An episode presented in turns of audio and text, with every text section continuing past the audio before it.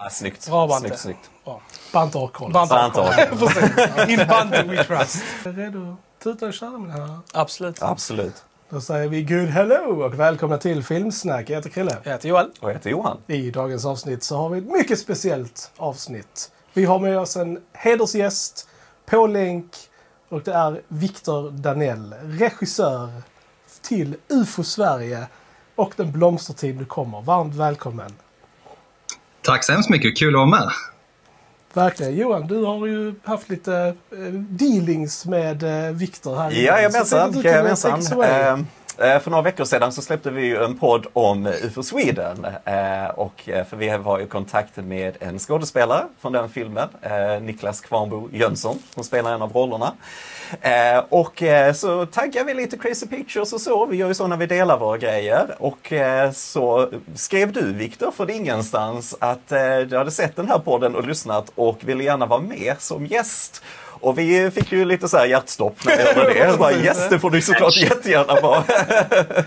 Det får ju självklart jättegärna vara gäst här. Så det är så roligt att ha dig här idag. Eh, och vi ska prata lite om din bakgrund inom film och även hur du har jobbat med de större filmprojekten och Crazy Pictures är tanken. Och, så.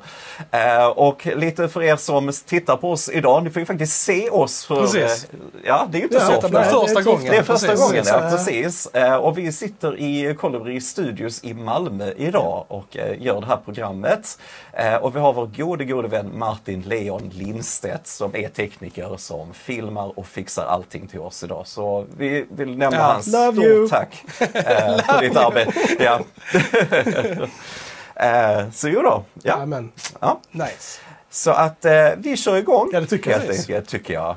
Så alltså Viktor, om man tittar liksom på din filmbakgrund och så här. Vi har ju alla här liksom våra favoritfilmer som vi kan säga att ah, det var här det började för oss. Eh, här skapade oss vårt filmintresse och så. Mm. Eh, om vi spolar, spolar tillbaka bandet långt i ditt liv om man säger så. Har du en film eller någon filmupplevelse som gjorde att wow, alltså det här med film. Eller är det något som har gradvis växt fram på något sätt kanske i dig? Nej, f- först var det kul att vara här. Jätteglad att få vara med. Ni gör en toppenpodd. Så, och sen hörde jag ju såklart, jag hörde ert eh, avsnitt med, med Niklas och ert extra avsnitt med på Sweden. Jag tänkte att ni måste ju, ni verkar ju tycka om det jag gör så att jag, jag vill ju vara med. Låt oss- snacka mer om oss. Nej, men eh, till en fråga. Alltså, eh, jag, alltså jag, jag, är väl jag har varit en väldigt enkelspårig person. Jag bestämde mig redan som väldigt liten, alltså så här, typ 7-8 år, att ja, men film, film är ballt, det vill jag göra. Eh, det är svårt att komma ihåg vad det exakt var för någonting som, som, som triggade. Men jag, kanske det tydligaste minnet jag har är ju att eh, tjuvkolla på Jurassic Park, även fast jag inte fick det för mina föräldrar. Eh, hemma hos eh, polare. Liksom. Det var ju helt... Jag minns ju till och med att jag satt och liksom klippte ut i stora kartongbitar alltså eh, silhuetter av eh, dinosaurier för att kunna göra någon form av skuggteater. För vi hade inte tillgång till någon kamera än. Så jag tänkte att jag kan göra någon slags skuggteatervariant av, av Jurassic Park. Eh, så någonstans där tror jag eh, det började. Sen så har man alltid dragits till, kanske till den typen av film, den lite genrefilm, det spektakulära äventyret, någonting som är mer än den, den, det liv, den vardag man har. Eh, så en- en stor inspirationskälla för både film, filmerna i sig men också själva hantverket bakom har ju varit Sagan om ringen-filmerna. Det är någonstans tror jag där som har varit min, mitt fundament i, i filmskapande. Men precis, exakt. Det är ju, är ju fantastiska filmer och det Peter Jackson gjorde kom från sin indiefilms bakgrund från Nya Zeeland eh, och skapade de här fantastiska filmerna. Eh, ett fantastiskt hantverk som håller än idag. Det, är, det var otroligt inspirerande för man kände lite så här, ja, men kan han så kan vi, så kan jag. Mm. Eh, så det har varit en enorm inspiration eh, och är fortfarande en enorm inspiration. Vad kul att höra för att jag och Krille har exakt den alltså bakgrunden också. Eh, Är det så?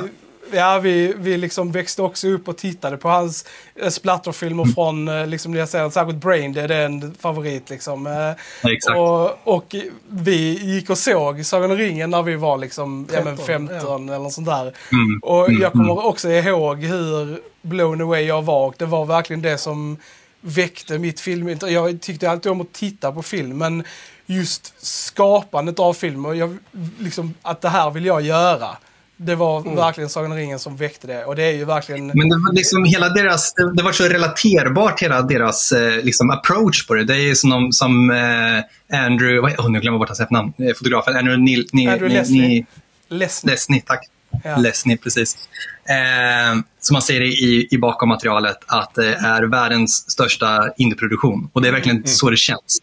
Och att de, resultatet är någonting helt annat än indieproduktion. Men tillvägagångssättet, hur man arbetat med, med alla fulknep man kan. Eh, fulknep, jag vet inte ifall det egentligen det är väl fel ord, men alla knep i, i, eh, i verktygslådan för att skapa eh, det fantastiska resultatet som Sagan om ringen-filmerna är. Det, ja, men som sagt, det fick oss att vilja gå ut och trickfilma och testa olika sätt och känna att det är ingenting är omöjligt. Så det, ja, Kul. shoot out Ja, till eh. Peter Jackson.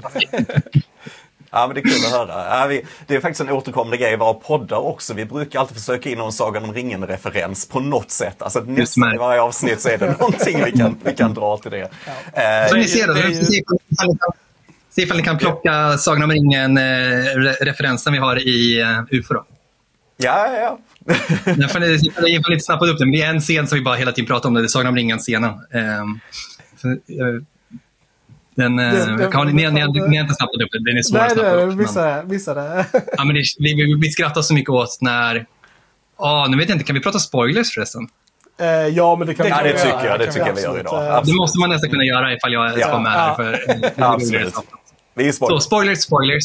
Men hur som helst, när, när de är tillbaka från maskhålet i slutet eh, och eh, Lennart ligger på sjukhuset där känns verkligen som när eh, Frodo sitter, eller Gandalf sitter där vid Frodo och, och eh, alla kommer in där i det här gyllene ljuset Ja. och kramar om varandra.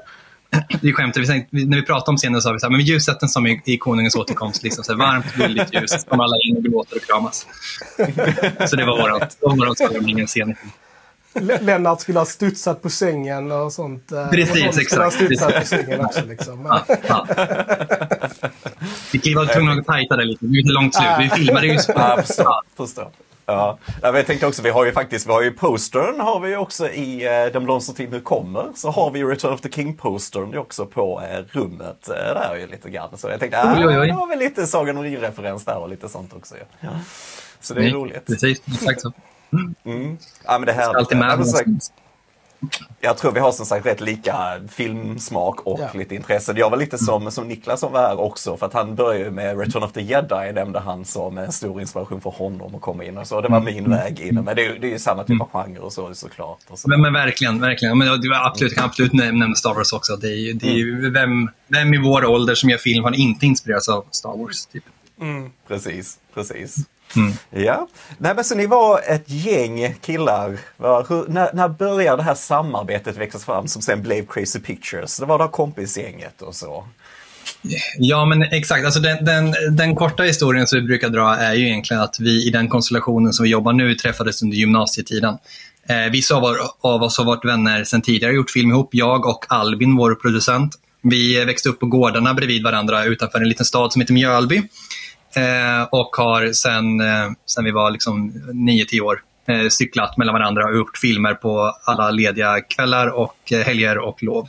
Eh, och har hållit på sedan dess egentligen, gjort film tillsammans. Och under gymnasietiden då så träffade vi de andra gänget och när vi tog studenten så var vi lediga där lördag, söndag och på måndag var företaget registrerat och sen så har vi jobbat med det sedan dess. 15 år i sommar. Ja, det är... Alltså. Fy fan. Fantastiskt. Det är kul. Fantastiskt. Det är inte en himla förmån. Alltså, det måste man ändå säga. Så här. Det är ju få förunnat att, att ha chansen att, att jobba med det som är ens, var ens fritidsintresse. Eh, och få göra det tillsammans med sina bästa vänner.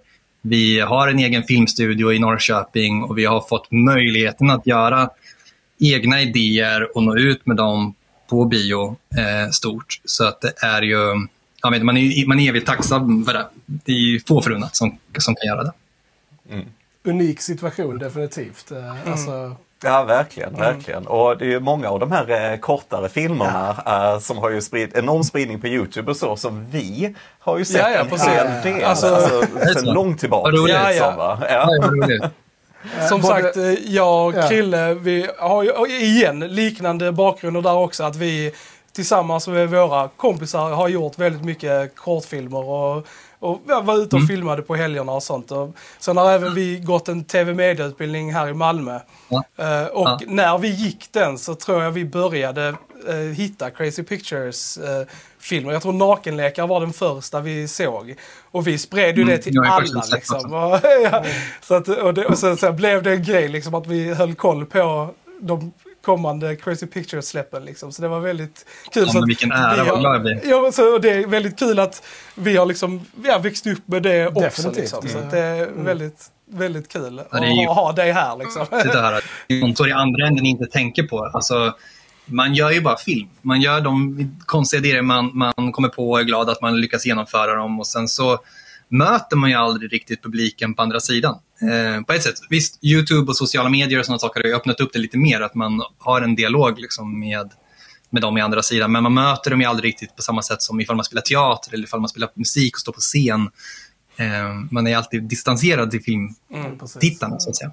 Eh, Så det är skitkul. Det är, man är fortfarande väldigt, väldigt glad att höra att, att de grejerna man gjort har uppskattats. Eh, Det är verkligen. Jag tror var varenda fest vi hade så, så var Nakenläkaren en film Nej, vi tittade på. Jo, jo, alltså. Alltså, och sen jag, eh, Vaskduellen. eh, jag quotar fortfarande vaskduellen alltså, nästan alltså, hela tiden. Alltså. När, när jag ska slänga någonting eller så här så är det liksom kaffet vaskat. Och så ut. Det är liksom... Ja, det är fantastiskt bra. Alltså. Det... Och vi var ju lite sena när vi gjorde vaskduellen. Det var ju det här fenomenet med att folk vaskade grejer. Eh, Det är liksom Stureplansfenomenet. Det var ju redan några år gammalt.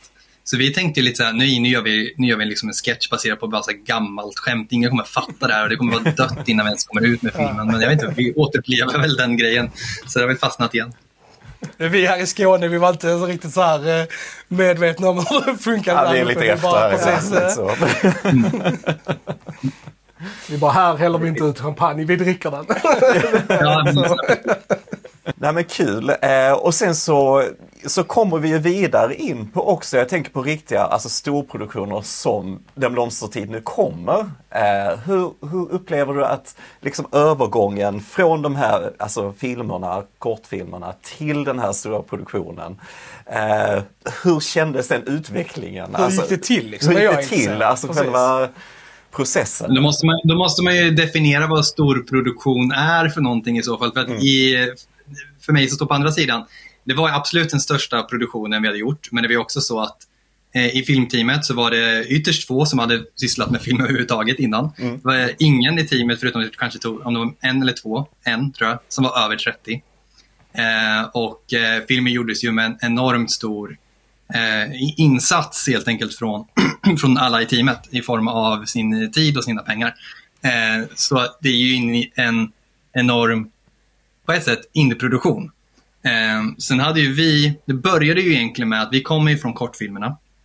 Vi älskar att göra film och vårt mål hade ju alltid varit att göra långfilm. Redan från början när vi startade bolaget så var idén att vi startade bolaget för att vi vill göra biofilm.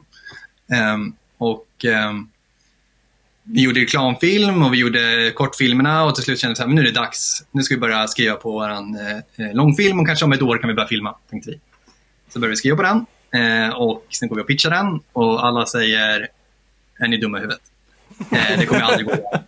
Eh, ni är precis gröna från gymnasiet. Ni har ingen filmutbildning. Ni har aldrig gjort något mer än någon film som heter Nakenlekar som ligger på Youtube. Eh, och ni ska göra Sveriges första katastroffilm. Eh, som också, man får tänka på, i det här världsläget var det ju så att vi mötte en respons som var en film om Sverige under attacken i än i, än i dumma i huvudet. det är ju det är sci-fi, det är, det är jätteosannolikt. Eh, krig i Europa liksom. Det var ingen som, som, som trodde på det här då. Ehm, och vi sökte pengar hos SFI och fick nej. Eh, men vi gav oss inte, utan vi fortsatte skriva. Vi knöt oss några andra samarbetspartner i, en tid, tidig process. Folk som hade gjort lite mer film och sånt innan. Eh, bland annat John Nordling är exekutiv producent på den filmen. Han eh, var ju, producerade ju eh, Låt den rätte komma in. Så han gav oss någonstans lite eh, dignity på något sätt. Så här, vi, vi hade liksom någon form av... Eh, vi kunde luta oss mot honom, vilket var väldigt viktigt. Eh, vi sökte från SFI igen, fick nej. Vi eh, gav oss ändå inte och fortsatte ändå. Och sen så där fortsatte det egentligen.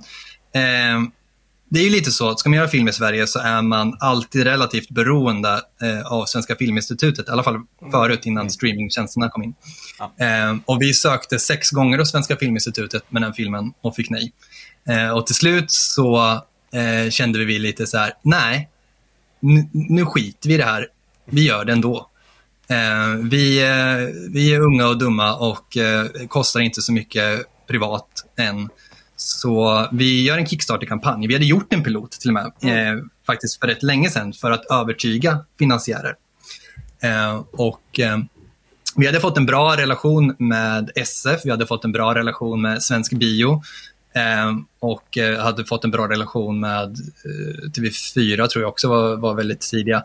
Så vi hade på något sätt den lite så kommersiella liksom, staben lite i bakgrunden. Det var just kanske Svenska Filminstitutet som var en väldigt avgörande roll för att det skulle kunna bli en riktig ekonomi i det. Eh, de var fortfarande väldigt avvaktande. Ehm, men vi gjorde den här Kickstarter-kampanjen och det blev ett väldigt bra genomslag. Ehm, vi nådde ju vårt eh, mål på under 24 timmar och sen så tickade det långt över det. Och det gjorde ju delvis såklart att vi fick eh, ekonomiska medel att göra filmen men framförallt blev det ett stort mediepådrag efter det. Ja. Vi var med i Nyhetsmorgon och eh, eh, TV4-nyheterna och sådana saker. Eh, och eh, det gjorde ju lite att det lossnade. Och även om vi hade fortfarande en väldigt, väldigt låg budget för det vi ville göra, en väldigt låg cashbudget, alltså konkreta pengar att göra filmen av, eh, så lyckades vi hitta ett fantastiskt team med engagerade, peppade filmarbetare och engagerade och peppade skådespelare. Och eh, vi avvarade ungefär 100, om man ska komma rätt komma ihåg nu, det var länge sedan, men ungefär 120 inspelningsdagar. Man kan tänka att en 40 dagar inspelning på en, en svensk film är väl kanske rätt vanligt om man tänker mer en sån här tv-film eller alltså Beck eller någonting. Då kanske mer på 25 dagar. eller något. Eh, Så 120 dagar inspelning är enormt mycket. Men i och med att vi hade ett team som inte heller kostade så mycket. Vi var väldigt gröna. Vi kände att vi har råd att ta oss tid på det. Vi har inte så mycket pengar. Vi kan inte vara ett jättestort, eh, jätteavancerat filmteam. Så låt oss ta tid och göra det här så bra vi kan. Så vi gav oss ut där. Vi filmade i en månad under eh, februari och sen gjorde liksom vinterdelen i början av blomstertid. Eh, och sen så började vi igen i slutet av maj och filmade in till november. Eh, och eh, snodde ihop den där lilla produktionen, den stora produktionen. Eh, som ändå ble, blev, en, eh, blev en film. Alltså det var ju liksom så här, det är nog kanske den grejen jag är absolut mest nöjd med när det kommer till den här filmen, det är att den finns. För det är en film Ja. som inte borde finnas. Det är verkligen en så här pojkdrömsfilm eh, som hade alla odds, odds emot sig. Vi hade inga pengar. Vår budget var egentligen alldeles för låg för att kunna göra någon sån grej. Eh, alla, inte alla, men flera av de stora etablerade eh, spelarna sa nej. Ändå så finns den. Eh, och det har vi ju framför allt att tacka filmteamet som var med och kämpade under den här perioden. De slet som djur. Eh, och, men vi hade väldigt, väldigt roligt. Eh, och eh, som sagt, jag är, jag är väldigt, väldigt stolt över den filmen för vad den är. För den som sagt borde inte finnas. Och den öppnade ju då en hel del dörrar för våra kommande projekt. För det gjorde ju att vi hade någon slags legitimitet nu. Vi kunde stå lite mer på egna ben. Eh, Vi hade inte bara gjort en kortfilm som heter Nakenlekar som fanns på Youtube. Som gick upp sommaren 2018. Det är den här superrekordvarma sommaren som också var fotbolls-VM. Så vi hade också väldigt odd, alla odds emot oss rent biomässigt. Och eh, tredubblade vårt bioestimat som var på 40 000 biobesök till ungefär 120 000 biobesök. Och den är också såld till ungefär 120 eh, länder. Så att eh, slutresultatet blev ju mer än lyckat Nice. för vår del. Mm. Fantastiskt. Lång eh, historia, kort. Eller kort Oh, historia, ja. jag vet inte. ja, men det är väldigt kul att höra hur du, allt sånt här. Alltså jag, jag tänkte också, hur kände du, nu, nu är det så mycket ni samarbetar och så, nu är det liksom Crazy Pictures som gör det här, men så är du ju regissör för, för filmen, om vi nu tar just eh, Blomstertid nu kommer. Mm. Om vi bortser från det här, alltså finansen kring det, vad, vad kände du själv var den största utmaningen i det här, liksom i, i processen? Ja, men alltså, den största, den stör, alltså, vilken, vilken grej är inte en utmaning? Eh, Men eh, Ja. Alltså, att, som sagt, att få den gjord överhuvudtaget Mm, mm. är, det är fortfarande kanske den största, eller är den största utmaningen i alla produktioner. man kan ha en idé man tror så mycket på, men det spelar ingen roll ifall det är bara jag som tror på den. För alla, det är väldigt, väldigt många andra människor som behöver tro på den och förstå visionen och lita på en som filmskapare att man kommer kunna ro det i hamn och att det man har skrivit ner på ett papper är värt x antal miljoner att satsa på. Det är, det är en jätteutmaning och, och, och det är en, en, en stor puckel man måste förbi innan man kan börja göra filmen. Och då kommer alla andra utmaningar. Eh, men, men den största utmaningen är den där att få, att få det gjort. Det är, det är ofta som, jag tycker man, när vi, man själv möter andra filmskapare i branschen så, så någon har precis gjort en film så brukar man alltid säga grattis, grattis att du har lyckats fått filmen gjord. Jag har inte sett den där, men grattis mm. ändå. Det är så himla svårt. Det är så mm. himla svårt att få det gjort. Um, och särskilt som, som du sa innan också att just den typen av film, alltså Sverige är ju väldigt rädda för att göra annorlunda typer av filmer. Vi är ju mm. väldigt fast i vårt liksom eh, komedi, kriminalare, kriminalare den sticken liksom. Och det var så kul att se just som du säger att det var Sveriges första mm. katastroffilm. Att, att, där, att det var intressant att det också är en motgång. Att man försöker göra någonting annorlunda. Ja, och sen måste man, alltså måste ändå, man måste ställa sig frågan ifall det var därför folk sa nej. Eh, nu när man står på andra sidan här så Blomstertid var ju verkligen våran filmskola. Den tog mm. åtta år att göra ungefär, från idé till premiär. Eh, och det, är ju, det, det, kan ju själv tycka att man märker när man ser filmen, för det är åtta års utveckling under den processen som filmskapare. Och det är ju det som kanske är mest haltande. Även fast vissa saker kan jag tycka är jättebra, men, men på det stora hela som haltar är kanske manuset. För mm. det skrev man som en väldigt ung filmskapare. Mm. Men jag tycker det som är absolut bäst i filmen var typ trailern. Alltså, för det var i andra änden av den eh, utvecklingen. Eh, man, mm. man hann utvecklas väldigt mycket under de här åtta åren. Eh, vi gjorde ju, under de åtta åren gjorde vi till exempel andra halvan av Poesi för fiskar. Vi gjorde reklamfilmer, vi gjorde andra projekt liksom under de här åtta årens gång. Eh, och den typen av erfarenhet har ju liksom byggt den som, som filmskapare. Så. så jag tror ju, och det är en insikt även när vi kommer med UFO, som också är en genrefilm. Att jag som eh, filmtittare har också alltid tänkt att det är så tråkigt med svensk filmproduktion, svensk filmbransch, vilka det nu är, men den generella bilden av svensk filmbransch. De vill inte göra genrefilm. De vill inte göra mm. annorlunda film. Och mm. när vi kommer med UFO som är en ren genrefilm, till SF, till SVT, till alla egentligen, så säger de vi vill göra massa genrefilm. Alltså vi är så trötta på, för det är ingen filmskapare som kommer med några bra genrefilmsförslag. Mm. Och det vänder på hela den fördomen för mig. Bara, Hallå, ja. va? Mm. Hallå? Eh, och jag tror att det finns en sån typ av eh, situation i Filmsverige där lite alla står. Eh, distributörer, eh, finansiärer, eh, filmskapare framför allt. Eh, alla, biografer, alla de här som är involverade i hela kedjan och lite pekar finger på varandra och säger vad tråkigt att vi bara gör crime och romantiska mm, komedier. Mm, mm, mm. Eh, och jag tror att det finns en slags liksom, catch 22 situation i det. Att eh, många eh, manusförfattare vågar inte skriva genrefilm och pitcha genrefilm för man tänker att det är slöseri med tid för de vill ändå inte ha genrefilm. Mm. För det görs ju bara massa annat. Och det har liksom blivit en sån form av liksom, ja, rundgång på det. Ja. Mm. Um, är min upplevelse efter gjort UFO. Och det var inte alls så jag mm. såg på situationen innan. Um, därför är det så bra att ni gör de här filmerna ju. Det, Förlåt, det, är därför, nej, men det är därför det är så bra att ni gör de här filmerna och visar att ja, men, är intresserade. Ja, liksom, men alltså, jag, det, jag, man har ändå känt det ansvaret. Det måste jag mm. ändå säga. Eh, och jag hoppas att det är många andra filmskapare som kan stå på att vi har gjort två stycken genrefilmer nu som ändå har gått helt okej. Eh, de är väl inte perfekta, eh, de har ju många brister och jag hoppas att det finns bättre filmskapare som nu kan plocka fram sina gamla idéer eller våga tänka nya idéer och, och peka på de här exemplen och säga men det har gått, det gick. Eh, och att det kan komma mer genrefilm, för jag önskar inget annat, att det ska komma mm. mer liksom, jag vet, svårt att säga vågad film. Film kan ju vara vågad på många sätt, men en annan typ av film, en annan liksom, en publik, en publikfilm. Ibland kan jag tycka att det är lite en utmaning att det görs väldigt mycket film i Sverige som är jättebra. Men den är inte gjord för en publik. Den är gjord mycket för filmskaparen själv ibland kan man tycka. Eh, där Det läggs många miljoner, ofta rätt mycket skattepengar genom SFI på filmer som går upp för 3000 personer.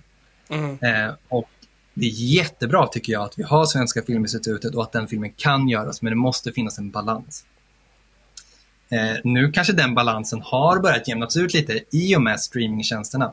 Och det produceras ju fruktansvärda mängder eh, film och serier, eh, media generellt just nu. Så det kommer ju mycket annat. Det, även fast de det är så, Netflix och många alla andra streamingtjänster, de är ju väldigt, eh, väldigt fokuserade på siffrorna. De har väldigt tydlig statistik på vad folk kollar på, vilka som kollar på vad, hur länge, hur mycket, när och sådana saker. Eh, och eh, de ger ju publiken vad publiken vill ha. Och det är också någonting då, och så funkar det egentligen även på bio med. För eh, distributörer och finansiärer, de, eh, de vill ju göra filmer som folk går och se. Det är rätt givet, för det är där de tjänar pengar på.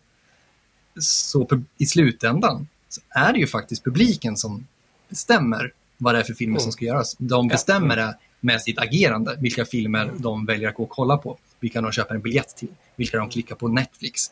Det kommer komma mer av samma vara. Det finns ingen ond djävul i andra änden som sitter och tänker så här, ha, ha, ha, ha, de ska inte få de här filmerna de vill ha.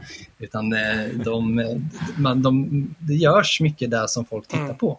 Eh, och jag tror att, om jag inte minns fel, och jag kanske, om jag kanske har fel, fel siffror också, men jag tror att 25 procent av alla svenska streamingar på Netflix är romantiska komedier. Ja. Giss- Gissa hur mycket, gissa hur mycket som är action. Oj.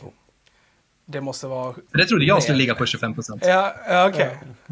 Är det mer? Ja, gissa, vad tror ni? Vad är era magkänsla Ja. för? Vad kollar svenskarna på? Jag tänkte säga så här 70 procent. Just med action, Ja, tror du det? jag tror action är väldigt poppis. 50 kan 60 säger jag då. Sju? Okej. Damn. Ja. Det vänder upp och ner på ens bild. Verkligen. Eh, men, och, och, men verkligen, fri- friskriver mig från att den här faktan är helt fel. Eh, helt fel. Men, men, eh, men eh, det är de siffrorna som jag har sett. Och det blir liksom så här, va? Mm. Jag tänkte att så här, Netflix, där har vi det här liksom fria. Folk kollar på där de vill se. Eh, och eh, så det är 7% av det som jag själv kanske hade valt att kolla på mest. Mm. Eh, då inser man att en själv som biotittare, eh, som publik, kanske är relativt liten. Man lever i sin lilla bubbla. Liksom. Eh, Men det är kul, för vi jag- brukar ju jag, säga jag babblar det i våra- vi, Vi, vi brukar ju säga det i våra poddar också att alltså, när vi rekommenderar eller inte rekommenderar att, vi, att ni betalar eller ni visar Hollywood eller så här vad ni vill ha med, Mm. med plånboken plånbok, lite Vi- grann. vi- Och lite vad ni vi tittar Det är säger på. också så det det ganska mycket. funkar. Det är så det funkar. Eh, Eh, så jag ja, förstår jag att det kommer tänkte- göras många avatarfilmer nu. Ja. Ja, Ja. precis. Oh, good lord. Oj, Ehm, ja. Jag tänkte en intressant grej som poppade upp hos mig. Eh, För att vi har ju också gjort film både med kompisgäng och med, alltså mer professionellt. Och jag tänker att när man gör en, eh, en film till exempel som Blomstertid nu kommer, när ni gör det tillsammans. Hur rollerna där, hur fasta är de eller är det liksom mer flytande? För det vet ju jag själv liksom att man hoppar in i alla olika liksom roller när man gör en film med kompisgäng medan man gör film med mer folk man inte känner så är rollerna mycket mer statiska. Och om det har ändrats från eh, de blomstertid till UFO. Det, det är klart att det har eh, utvecklats och ändrats, men egentligen redan från dag ett har vi haft väldigt tydliga roller. Och det har ju blivit lite krångligt och lite otydligt i och med att vi väljer att credda oss själva som personer eh, som Crazy Pictures. Och det grundar sig ju egentligen lite ifrån när vi gjorde våra kortfilmer. Och det mest vanliga att när filmen är slut så står det så här, en film av regissören. Eh, och så som vi jobbar, vi är alltså ett litet team på fem personer. Eh, vi i bolaget och vi som äger och driver bolaget, vi är fem personer. Vi har varit med från idé och genom hela produktionen fram till så att vi laddar upp den på Youtube eller skickar iväg den på biograferna. Det inkluderar liksom allting från då manus till förproduktion till eh, inspelningen, allt form av då foto, scenografi, ljud, eh, regi. Eh, vi är med i efterproduktionen, vi klipper, vi ljudlägger, vi eh, gör all grafik, vi gör alla effekter, vi gör all ljudmix. Vi klipper våra trailers, vi gör våra posters, vi gör liksom hela kedjan. Eh, vi fem är, från början så var det ju bara vi fem. nu när vi gör en eh, som UFO, då är vi väl kanske liksom vi fem plus eh, 120 pers till. Eh, Eller mer. Eh, men vi fem har på något sätt huvudansvaret för alla de här grejerna. Och det är inte så att vi allihopa är inne i alla led, men däremot så är vi då fem personer som delar på väldigt många roller. Eh, vi är väldigt många multisysslare helt enkelt. Jag eh, har ju skrivit våra filmer. Jag har regisserat dem och jag har även gjort våra digitala effekter. Liksom. Mm. Eh, det är mina tre huvudansvarsområden. Eh, vi har en annan kille, Olle, han är producent men är också ljuddesigner och han gör också alla våra specialeffekter. Och sen har ju han och vi och jag många i ett team under oss liksom, som, som är liksom en del av vår filmfamilj som, som gör de här filmerna tillsammans med oss.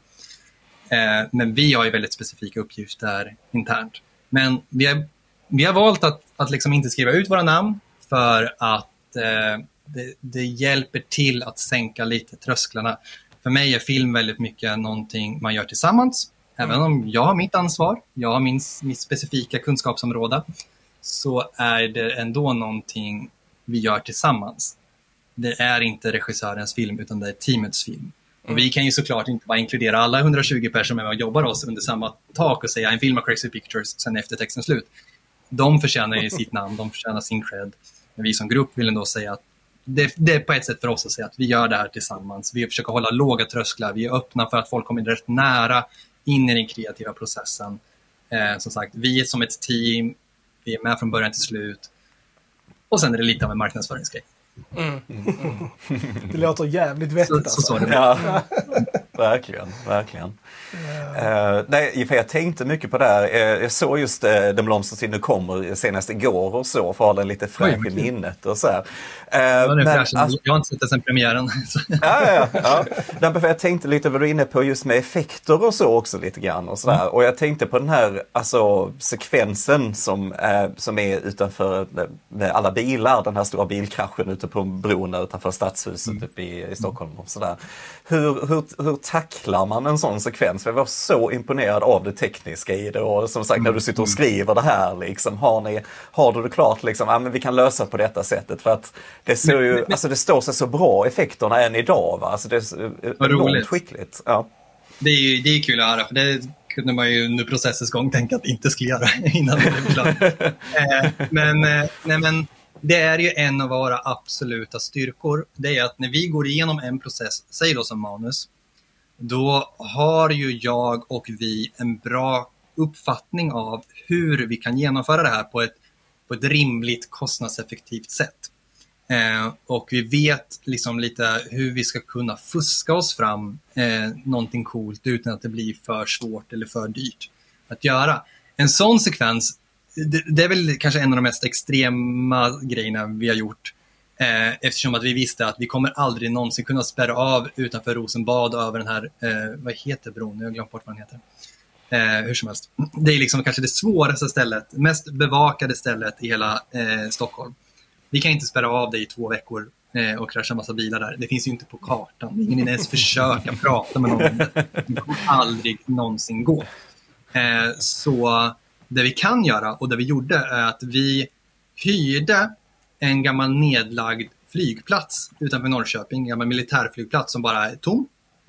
Eh, de har, de har lite övningskörning och lite sådana grejer där på den, på den eh, flygbanan. Vi köpte massa, massa vit heltäckningsmatta och klippte långa remsor. La ut som vägsträck på marken. Vi eh, byggde någon lyktstolpe. Vi körde dit alla militärfordon, vi körde dit alla bilar, vi körde dit alla statister. Det att vi, hade, vi byggde som en liten bit av en eh, så här, eh, trottoarkant och sånt också för närbilder. Det betyder att vi har allting som är där du tittar på, där du har fokus på. Det som är interaktion med, där folk går på, det är bilar som krockar, allting som är på ett sätt väldigt, väldigt svårt att fejka. Eh, det gör vi. Det kan, vi, kan, vi kan köpa billiga Volvo-bilar på Blocket och måla dem i rätt färg och sätta dit små lampor så det ser ut som Säpo-bilar. Det kan vi fejka, det behöver inte kosta så mycket. Eh, och sen gör vi den sekvensen på den här flygbanan och sen så tillbringar vi fruktansvärt många timmar till att bild för bild sitta och klippa ut allting för hand. Eh, för att sen lägga på en digital kopia, en digital 3D-modell av Stockholm och Rosenbad och riksdagshuset i bakgrunden. Och sen döljer vi det i massa skittungt regn så att vi inte ser det så tydligt. Och då tänkte vi, det kan funka. Det kanske faktiskt funkar. Eller så kommer det se ut som en riktigt tacky variant av någon slags 3D-scen. Eh, men eh, men eh, i och med att vi valde att göra den i så tungt regn så att man aldrig riktigt har helt fokus på det. Och det du kollar på, det är bilarna, det är personerna. Du har kontakten med marken, skuggor, interaktion. Allt är riktigt. Hade vi valt att göra tvärtom, att välja en lättare plats vi kunde filma på med fejka bilarna till exempel, där det sett hur cast ut som helst. Mm. Vi brukar ha någon slags liksom så här 70-30-regel när vi gör effekter. Att så här, kan vi nå upp till att ungefär 70% av det du ser i bilden, det viktigaste du ser i bilden, det är på riktigt, så kan vi lätt, lätt komma undan med de här sista 30 procenten. De behöver knappt ens faktiskt vara så bra. Mm. Eh, för du kommer inte sitta där. Eh, och det är väl ett sånt fall där att ungefär 70% av det du ser är verkligt. Det viktiga, de viktiga procenten är verkliga. Och sen kan vi bara ändra bakgrunden lite. Ja.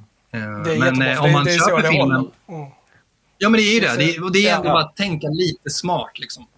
Eh, och, och, och, veta hur processen ser till. För mig handlar det så mycket, och det är jag så glad över, att man kommer ifrån att ha gjort filmer när vi bara var vi fem och ibland även färre personer och gjort hela kedjan. Man har varit med och gjort allting. Eh, det gör ju att om jag är inte bäst på allting, jag kan inte ens allting, så har jag ändå en idé kring hur saker funkar och vad som tar tid och vad som är dyrt och vad som är svårt. Um, och kan därmed, när jag sätter med pennan och pappret, liksom undvika de värsta fällorna. Eh, mm. och försöka göra, och också nyttja de talanger vi har, liksom, även inom gruppen så bäst det går. Så att tänka så redan från början istället för bara skriva i blindo och sen skicka manuset till en producent som ska bryta ner och bara få in offerter från alla diverse företag som inte heller förstår vad som egentligen menas. Man ser de där, står text, Säpo bilkrockar, ja men vad är det? Mm. Eh, då blir det skitdyrt. Det blir jätte, jättedyrt att göra så. Eh, ja. Men vad glad jag blir att, att ni känner att det håller än idag. Jag är faktiskt... Och det, det, när man gjorde... med, lyfta med där, för att i filmen där mot slutet, den explosionen som är med där. Jag sa det när vi såg den och jag säger det fortfarande. Det är den bästa explosionen i svensk film. Är det så? Vilken av dem? I slutet av den sekvensen? I, ja, det är i slutet där i, när de är nere i... Um, i tunnlarna där, eller bunkern. Ja, ja, ja, ja, just det. Ja, precis, exakt. Den explosionen är alltså fantastisk. Hur mycket praktiskt är den liksom? Eh, ja, alltså det är en filmad explosion. Vi köpte en sån stock footage-bild på en explosion för några, någon dollar. eh, och sen har vi, har vi gått ut, ut i skogen och fotat några granar som vi klippt ut och sen satt stillbilder på granar i förgrunden så det ser ut att vara på den platsen. Och sen lite glow på det. Så det är klart. Nice. Ja, det, eh, det ser sjukt bra ut. Jag vet, och det är ju, det är, oftast är det nästan så att den enklaste lösningen är den, eh, den, liksom, den bästa lösningen. Oftast de effekterna som man tänker så här, hur gjorde de det? De, har, de är nästan alltid de enklaste. Mm. Eh, men det gäller att inte övergöra. Vi pratar om, vi, vi hade ett samarbete ihop med ett effektbolag, eller, alltså för praktiska effekter, som heter Arclight som var med eh, och hjälpte oss med mycket pyroteknik i den filmen. Vi gjorde ju lite mm. pyrotekniska saker som de var med och hjälpte oss. Eh, och sen så var de även med och liksom assisterade och hade ett nära samarbete, även fast vi utförde mycket av de andra praktiska effekterna som säg eh, regn och rök och krascha bilar och sådana saker. Det kunde vi hantera, men pyroteknik behöver man ju tillstånd till och så. Eh, hur som helst, eh, vi pratade med Arclight och att göra den explosionen på riktigt. Det tråkiga då är ju så här, ja vi kan göra den, den kommer att kosta jättemycket. Det kommer, det kommer vara så farligt, så ni kan sätta den där explosionen liksom en kilometer bort och sen stå med kameran, så kanske ni är säkra. Då kan vi göra det. Om vi säger, men vi har ingen cool tagning ifall vi gör det. Om vi står en kilometer därifrån och filmar, liksom, vad blir det? och så kommer det råka bli överexponerat och så blir det inget bra då. Ah. Eh, så ett bra exempel i blomstertid var ju faktiskt med alla eh, muscle flash som det kallas när, man, när de skjuter med mm. gevären. Och det liksom kommer liksom en liten eldflamma, en bildruta eller någonting så eh, när vi började produktionen, de första inspelningsdagarna med skottlossning så körde vi med Eh, blanks heter det. Det är alltså, det är ju riktiga alltså, patroner, skott i, i gevären, men det är liksom ingen kula i, det är bara krut. Så att det är en, det smäller lika högt som du skulle skjuta på riktigt, du får kylan, du får rök och du får mynningsflamma och allting sånt. Det är på riktigt, men, men det är liksom inte, no, ingen blir skjuten. Men det är fortfarande en stor säkerhetsrisk med det. För du kan ju fortfarande så, om du riktar det där geväret mot en skådespelare eller mot, ett, eh, alltså mot kameran eller mot en filmteam eller någonting så här. Det kan ligga skit i geväret, det kan komma grejer, det är farligt. Det går inte, man, man måste liksom ha med den säkerhetsaspekten hela tiden. Vilket betyder att det är väldigt, väldigt mycket förberedelse, väldigt, väldigt mycket jobb. Eh, likadant, eh, alltså omställningarna. Vi har gjort en tagning, okej, okay, ska göra en till. Tar en kvart, 20 minuter liksom, innan vi kan ta nästa tagning för saker ska laddas om och fixas och så. Och det gick inte. Alltså det var så här, det, och sen kan det till och med vara så eftersom att kameran filmar eh, med 24 bilder i sekunden och den här minnesflamman är så sjukt snabb så hamnar den mellan två bildrutor och syns den inte ens. Så det blir liksom ingenting av någonting. Ja. Mm. Eh, så vi bara säger, det här det måste finnas ett smartare sätt för oss att göra. Eh, för vi kan inte ens filma de coola tagningar vi vill göra. Istället gjorde min lillebror som eh, delade eh, effektansvaret tillsammans med mig. Eh, han eh, satte små, små starka LED-lampor i mynningarna på alla gevär och kopplade dem med en sladd till avtryckaren. Så när man tryckte på avtryckaren så blinkade den här i en bildruta. Mm. Eh, jättestarkt. Vilket betyder att vi fick det viktigaste med de praktiska effekterna. Utan det är ljusinteraktionen med omgivningen. Vi, eftersom våra skottlossningar, nästan alla scener utspelar sig i, i natt, i mörker, vid bergrum och i skog och sådana saker. Mm. Så var just ljusinteraktionen med omgivningen det viktigaste för att sälja den effekten. Eh, så det vi gjorde digitalt sen var att lägga på lite rök. Och ljudet såklart om en smäll. Men det var ju helt säkert på inspelningsplats. Och det var till och med så att man upplevde det som riktig skottlossning för att det blinkade och, och så. Även i kameran så ser det ut som en muzzle flash när egentligen bara en stor lensflare. Mm. Eh, och eh, det sålde grejen. Och det var så enkelt, det var så billigt, det tog ingen tid för några omställningar, det var helt säkert, du kunde rikta kameran, eller geväret rakt in i kameran eller mot en annan skådespelare. Det var helt säkert. Eh, och det är den typen av lösningar som gör att man bara så här, ja, nu kunde vi kapa 100 000 i budget, eller mer. Mm. Och framförallt väldigt, väldigt mycket tid på inspelningen. Jag vet inte, hur hamnar vi här? Jag bara babblar på. ja, men det är superspännande att höra hur du berättar om det och så. Eh, jag tänkte också lite som du var inne på här, hur, hur ser du processen just alltså med skådespelare och så vidare? Hur mm. är din process där att jobba med dem och få rätt, alltså rätt känsla och rätt, ja, hur är din process med skådespeleriet? Eh, alltså jag, jag, vet nog inte ifall jag egentligen haft så mycket till en så här, eh, kontinuerlig process eh, från produktion till produktion, utan det har nog, det har nog ändrats och utvecklats lite under, under liksom årens gång och är olika från projekt till projekt också för att man är ute efter lite olika ton i varje projekt. Mm. Om vi tar Blomstertid som exempel så gjorde vi så att vi bestämde, eller jag bestämde, vi ska inte repa en enda scen, någonting. Mm. Mm. Istället så låt oss träffas eh, på tu man hand med alla skådespelare. Jag träffar alla skådespelare på tu man hand och bara pratar om manuset och framförallt om karaktären. Och försöker hitta så här ledtrådar i texten. Men varför reagerar han så här? Eller varför säger hon så här? Ja, men det kanske, och så börjar man måla upp den här bilden av en backstory av karaktären. Eh, och, och, vi gjorde väldigt mycket den grejen helt enkelt. Eh, för att när vi skulle vara på plats så till fotografens förtret så kunde det ske väldigt eh, spontant allting. Mm. Eh, och ha en, målet var väl en så äkta och naturlig, liksom, naturlig spel som möjligt. Eh, och det var, det var nog bra för den filmen tror jag. Vad man kanske skulle ha repat lite mest för att det kan ju uppstå situationer att man planerar ju bilderna och, och, och så med kameramannen och sen bara släpper man lös skådespelaren. Nej, nu gör inte de alls som jag tänkt. Och så behöver vi tänka om och ljuset om och ändra. Så, här. så det var lite jobbigt. Så när vi gjorde UFO så repade vi ändå en del. Ehm, testade liksom, även fast vi fortfarande höll det rätt löst. Men det var ju ändå så att när vi kom ut på plats så, så hade vi ändå en rätt bra koll på ungefär dynamiken i scenerna och var folk är och vad som händer och sådana saker. Mm. Um, och eh, då jobbade vi också med, då hade vi en, en en 17-årig tjej hon, i huvudrollen, Ines. Som, jag tror det var också var, var lite en trygghetsfråga i form av att hon inte gjort så mycket innan. Så det var skönt mm. att repat och testat lite sånt innan. Liksom. Provspelat med de andra skådespelarna. Och så. Mm. Um, men annars så tycker jag att min, min största utveckling sen vi gjorde kortfilmerna, sen man gjorde film som liten, var att då var man väldigt mycket, jag har sett den här bilden, den här scenen på det här sättet och så ska vi göra det och det är rätt, det är rätt sätt att göra det. När vi gjorde Blomstertid till exempel så släppte jag ju löst skådespelarna först i en första tagning. Så här. Och ofta var reaktionen från min sida, nej, det är helt fel. De gör helt fel.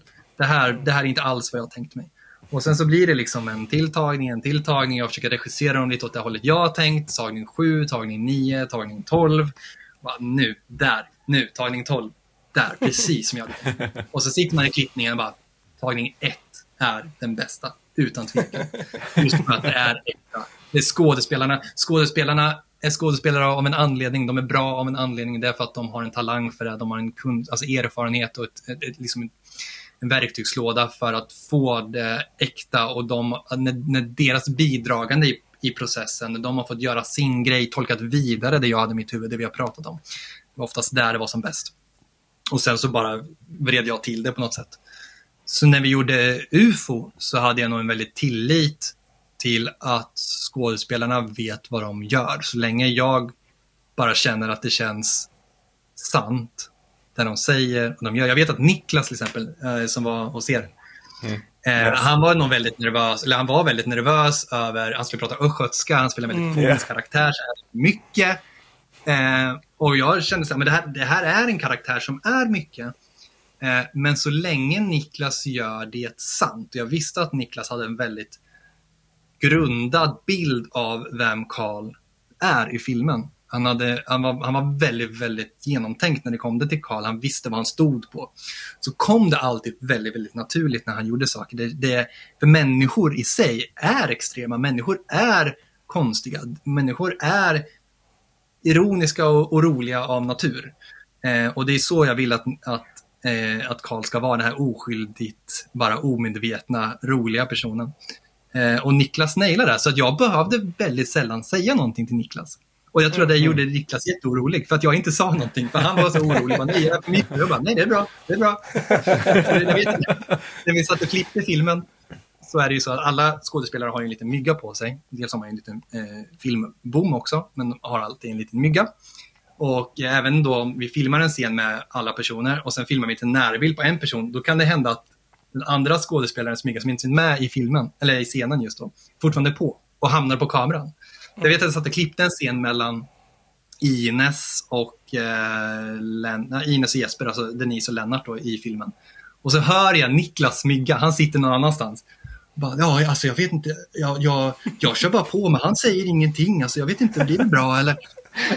Hör Niklas hålla på oroligt över hur, eh, hur jag inte regisserar honom någonting. Jag, men jag är väldigt glad att jag inte la mig i det. För att jag är jättenöjd med hur Niklas gjorde Karl Tefat. Och jag tycker han gör det jättebra. Och jag behövde inte in och kladda i det. Mm. Han kunde ett Karl Tefat bättre än vad jag kunde. Mm. Ja, nej, men absolut. De var jätteroliga karaktärer och ja, humorn funkade väldigt bra tyckte jag i, i, mm. i UFO. Uh, och just uh, som du säger, det tekniska har alltid varit en höjdpunkt i, i filmerna tycker jag verkligen. Uh, och både UFO fortsätter bara den trenden. Och, man, och vi ser också hur ni utvecklas och hur du utvecklas som regissör. Och det går ju bara åt rätt håll. Det är ju... Ja, men vad glad jag blir. Ja.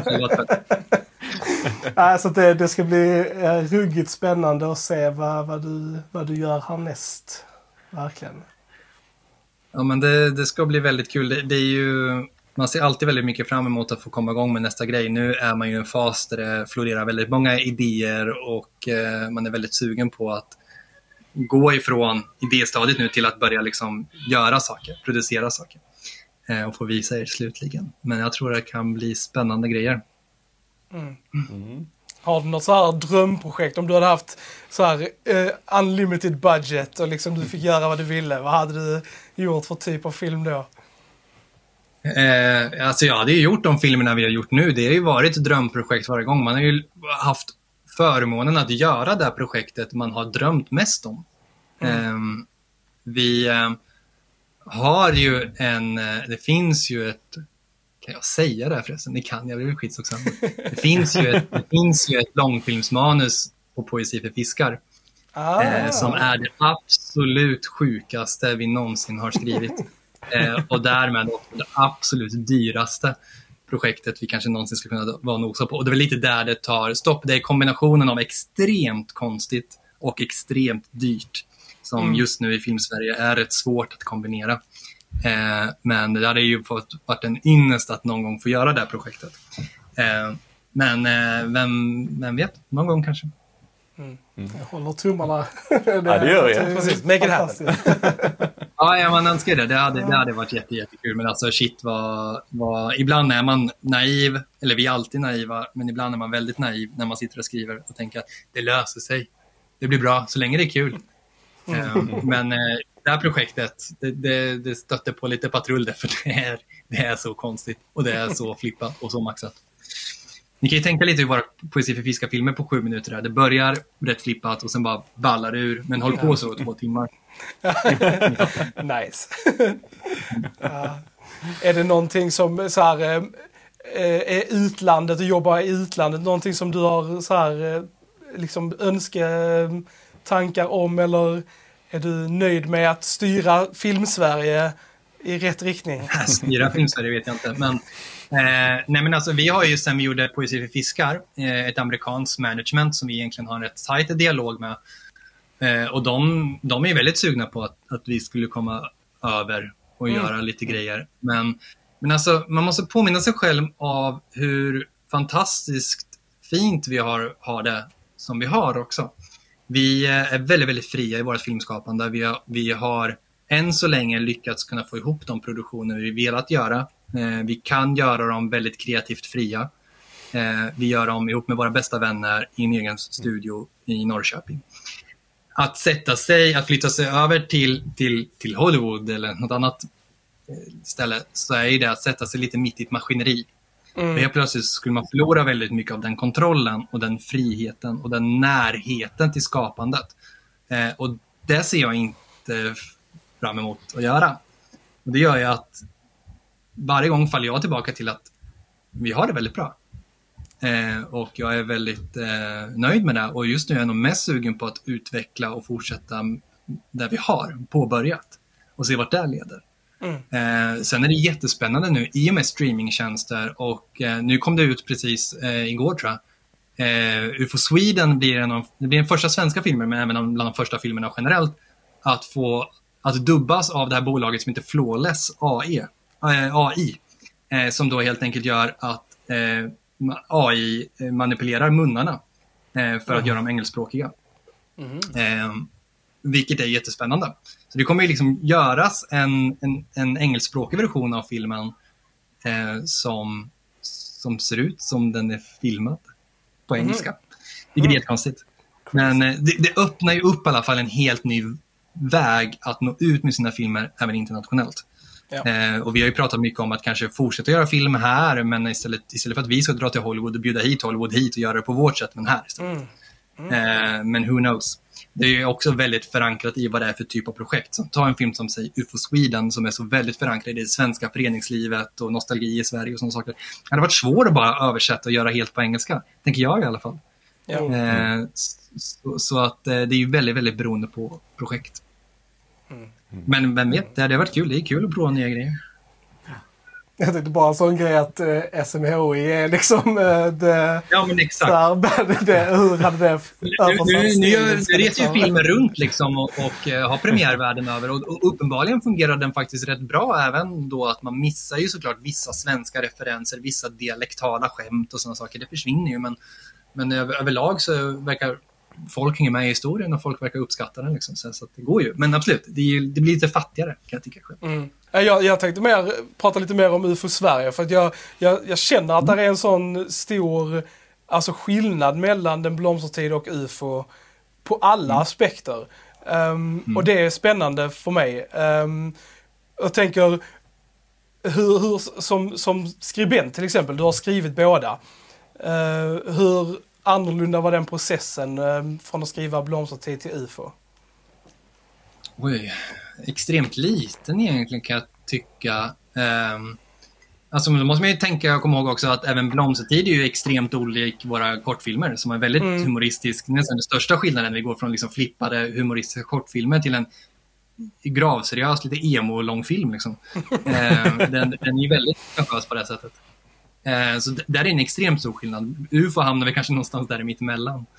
Ehm, Alltså vi har ju, vi har ju humorn är väldigt djupt förankrad i mig, den finns Mm. alltid där.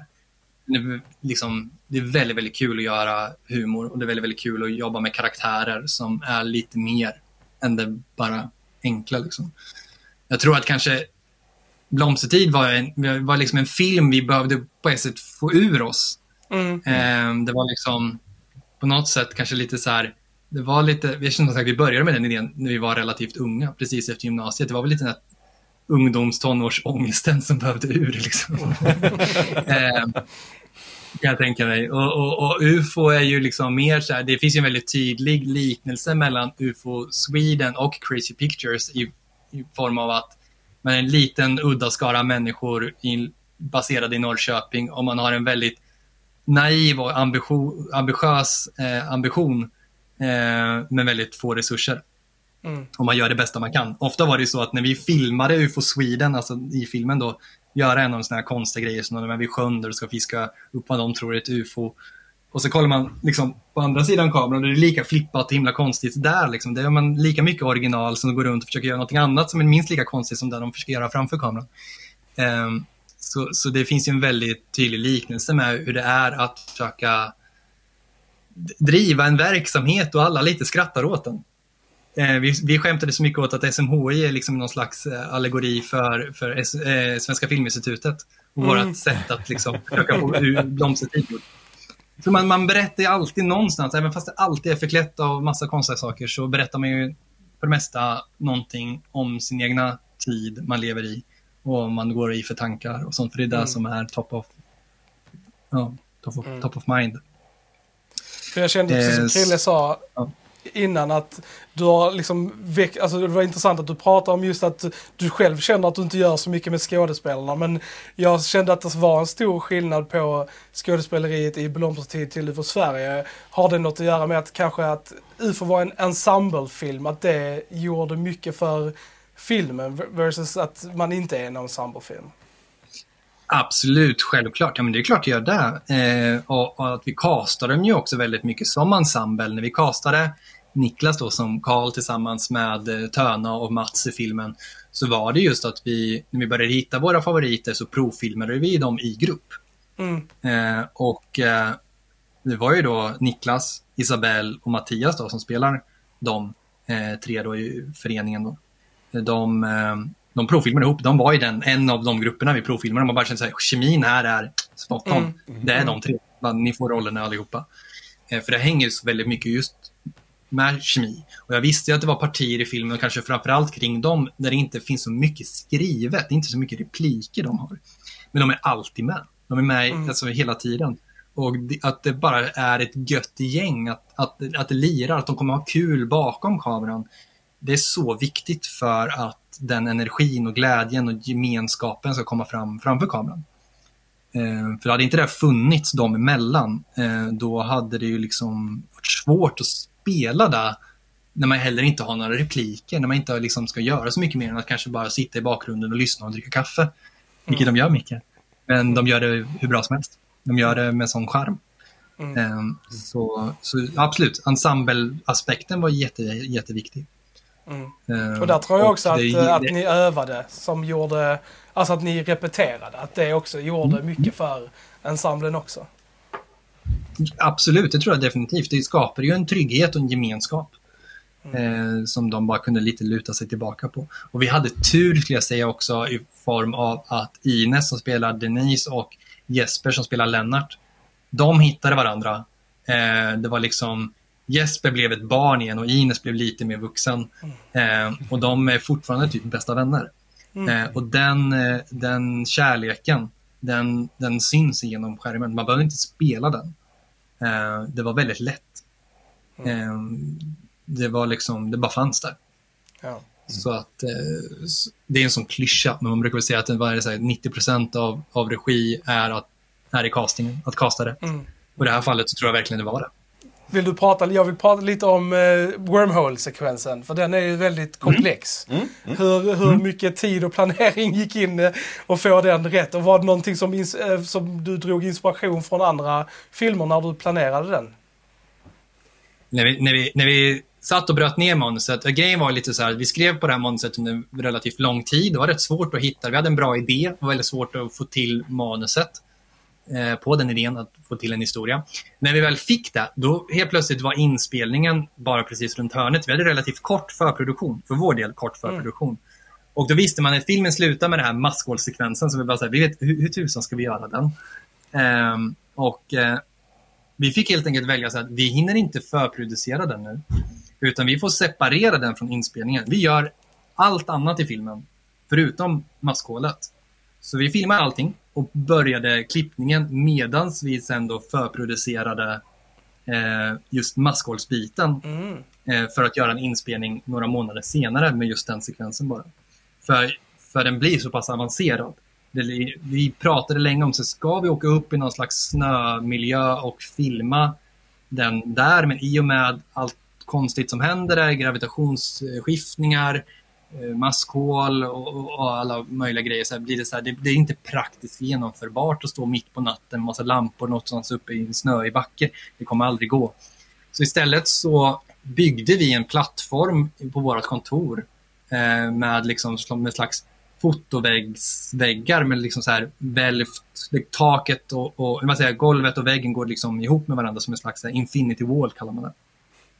Vilket gjorde att vi hade, vi hade fejksnö på marken. Vi kunde filma och det såg bara ut som att marken bara gled in i och blev liksom en oändlig snöstorm. Typ. Det fick vi liksom gratis in camera.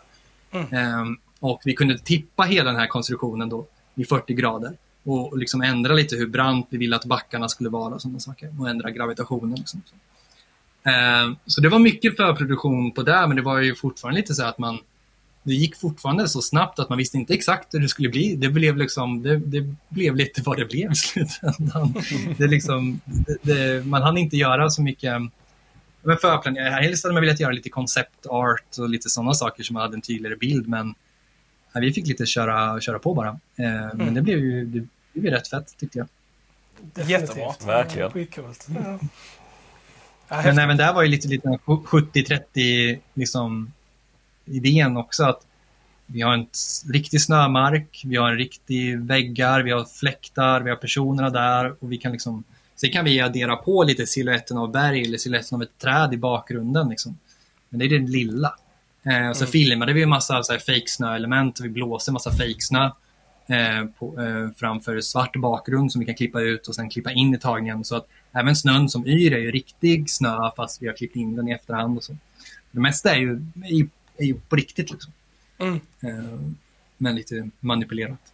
Och maskhålet ni ser, det röda skenet så att säga, både maskhålet och det röda skenet vi ser på himlen tidigare i filmen, det är ju alltså att vi har tagit eh, bläck, färgat bläck i akvarium eh, och dragit ut massa liksom, under vatten så, som liksom skapar de här formerna och så. När vi förvrängt den lite mer till maskhålet, för det var en, som en rak vatteneffekt som ja, flöt runt i akvariet där och så har vi vridit det till en, till en cirkel och lagt på massa skit. Eh, men även där, så det har, det har liksom fötterna i någonting verkligt som vi kan vrida och vända och manipulera i datorn, men istället för att utgå från någonting helt simulerat. Eh, jag tycker ofta att det ger en bra feedback loop, att när man gör någonting på riktigt så blir man själv inspirerad. Men shit, det där är coolt, vad händer då ifall vi gör så här? Och sen så blir det som en kreativ bollning mot materialet, än ifall man skulle sitta helt i datorn och bara göra det helt fake, för då är det inte mer än vad man har sagt i datorn att göra. Liksom. Mm. Mm. Mm. Ja, häftigt. Ja. Men eh, om man köper filmen, det gäller ju både Blomstertid och eh, UFO, om man köper filmen på iTunes eller på Blu-ray så följer det med en himla massa extra material som eh, visar hur vi gör både eh, maskhålet i, eh, i UFO och hur vi gör Rosenbad-sekvensen i eh, Blomstertid och mycket annat. Så det om man tycker det är kul med sådana grejer så kan jag varmt rekommendera det. Vi är ofta rätt frikostiga med extra material eftersom jag själv är så uppvuxen med just extra material. Jag har båda på Blu-ray, bara säga. Ja. Är det så? Jajamän. Du köpte ju Jag köpte monsterutgåvan. uh, Limited Edition UFO Sverige också. Oj, oj, oj. Så, eh, oj, oj. jajamän. Så det var riktigt nice.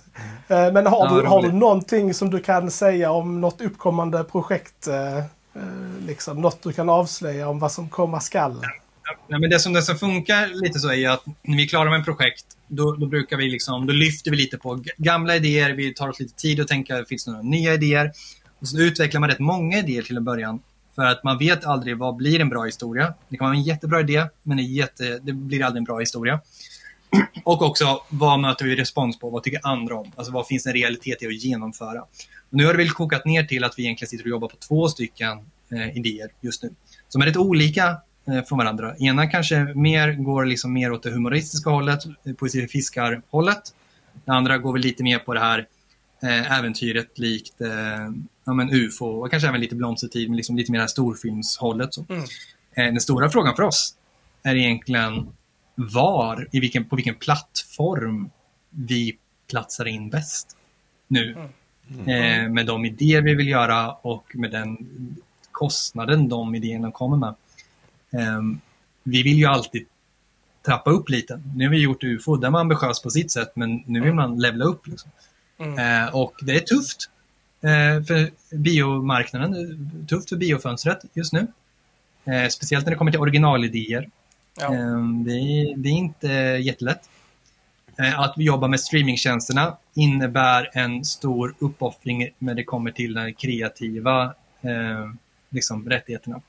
Eh, Man eh, hör många som har haft jättebra relationer, men man hör också folk som inte alls har haft en så bra eh, process.